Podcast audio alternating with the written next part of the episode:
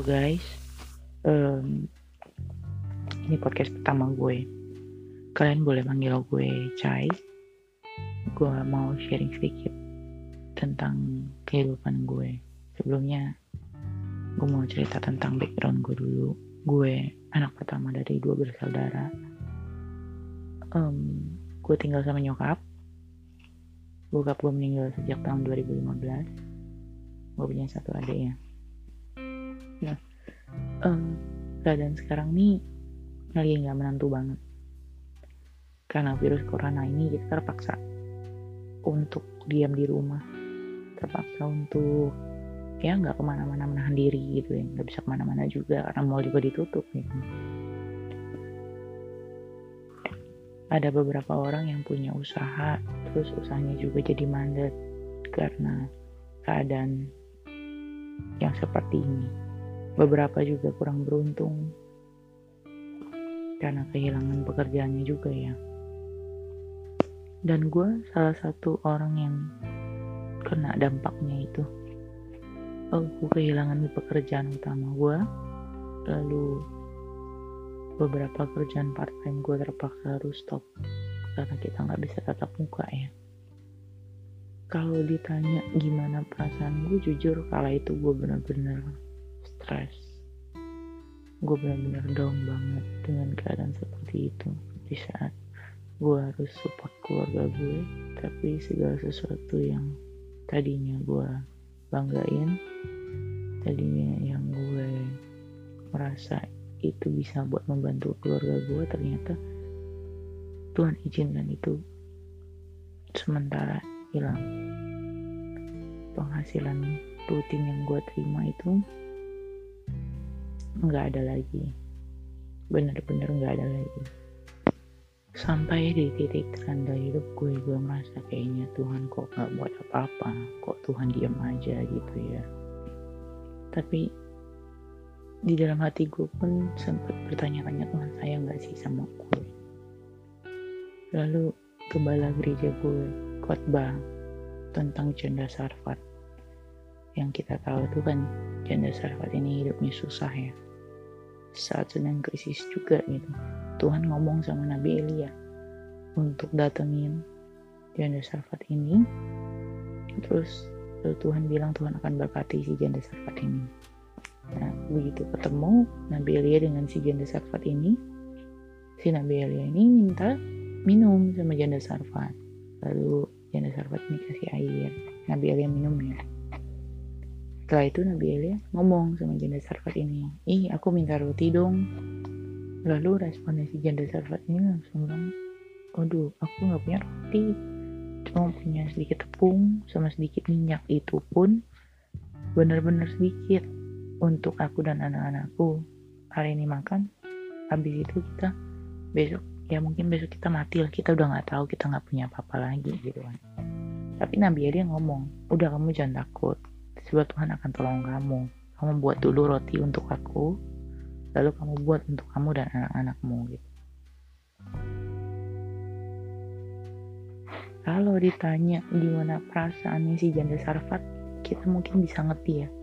Keadaan dia tuh yang bener-bener lagi worry, nggak tahu besok mau makan apa. Ya udah, ini tepung dan minyak terakhir.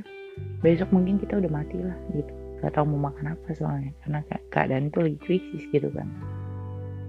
Dan cerita yang di Alkitab cerita yang ada di Alkitab tertulis bahwa si janda Sarfat ini mampu survive sampai keadaan krisis ini selesai.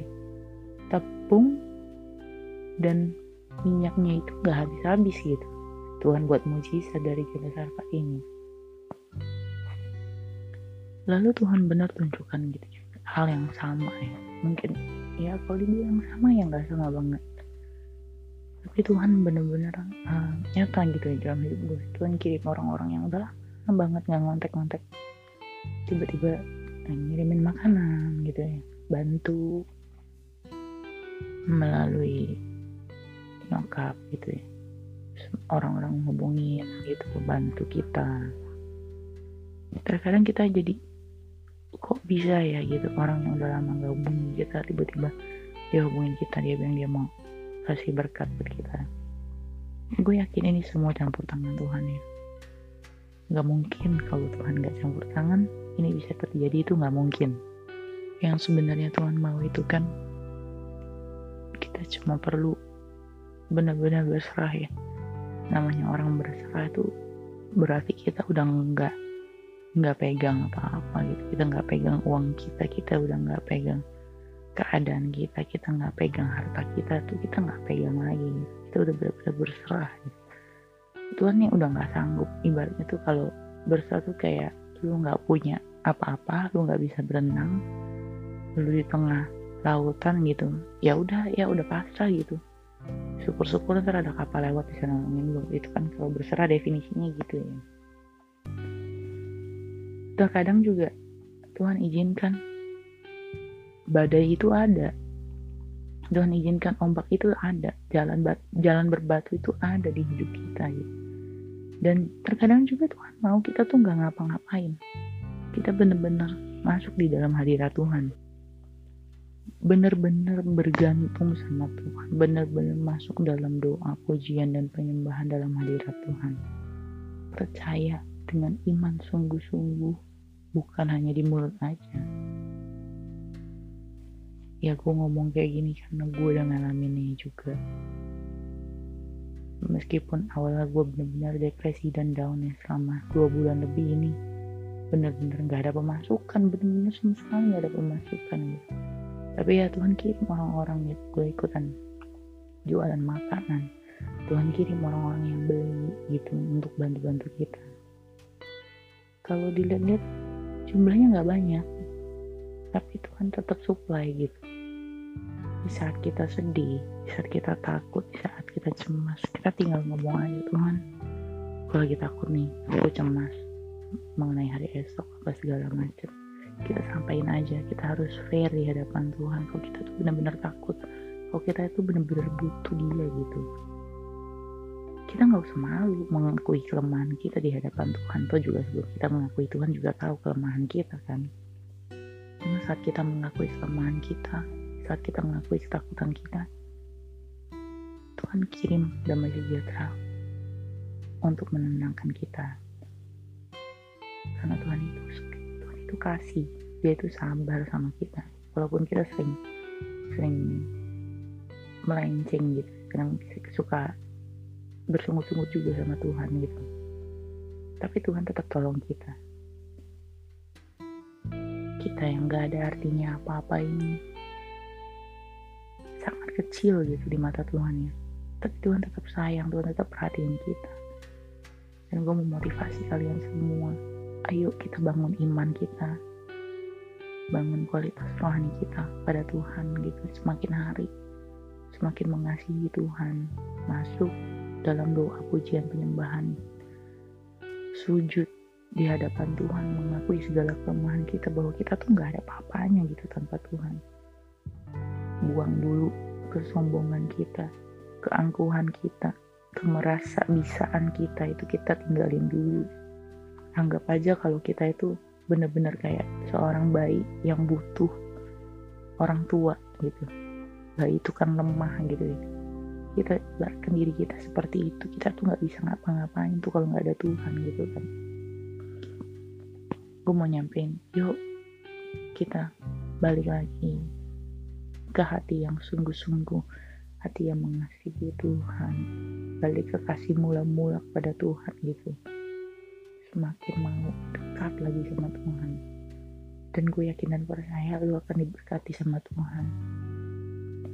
Segala keadaan kehidupan pasti Tuhan pulihkan. Dan terakhir, tetap semangat di mana pun kalian berada. Jangan putus asa, jangan hilang harapan Meskipun terkadang berkat yang Tuhan izinkan serba sedikit, bukan berarti kurang. Sedikit, namun cukup. Karena gembala gereja gue bilang, nggak se nggak selamanya dan gak selalu berkat yang kita terima itu berlimpah. Terkadang Tuhan izinkan berkat yang kita terima itu serba sedikit, tapi cukup cukup untuk memenuhi kehidupan kita sehari-hari cukup untuk keluarga kita, cukup untuk kita berjuang sampai kita menemukan titik terang. Yang penting kita jangan hilang harapan sama Tuhan. Jangan iman kita melemah karena kita belum melihat tanda ya. Ya, nampaknya mungkin Tuhan juga nggak buat apa-apa gitu. Nampaknya kok kayak Tuhan diem aja gitu ya nggak nolong gue gitu. Gue juga nggak dapet apa-apa, nggak terima apa-apa. Tapi tetap jangan hilang harapan. Gue yakin karena pada saatnya, waktunya Tuhan pasti akan terjadi gitu. Pasti akan turun berkat yang supranatural yang kita nggak pernah bayangin itu bisa terjadi tapi itu akan terjadi di dalam hidup kita. Stay safe di mana pun teman-teman berada. Jangan lupa tetap jaga kesehatan rajin cuci tangan uh, minum vitamin and God bless you all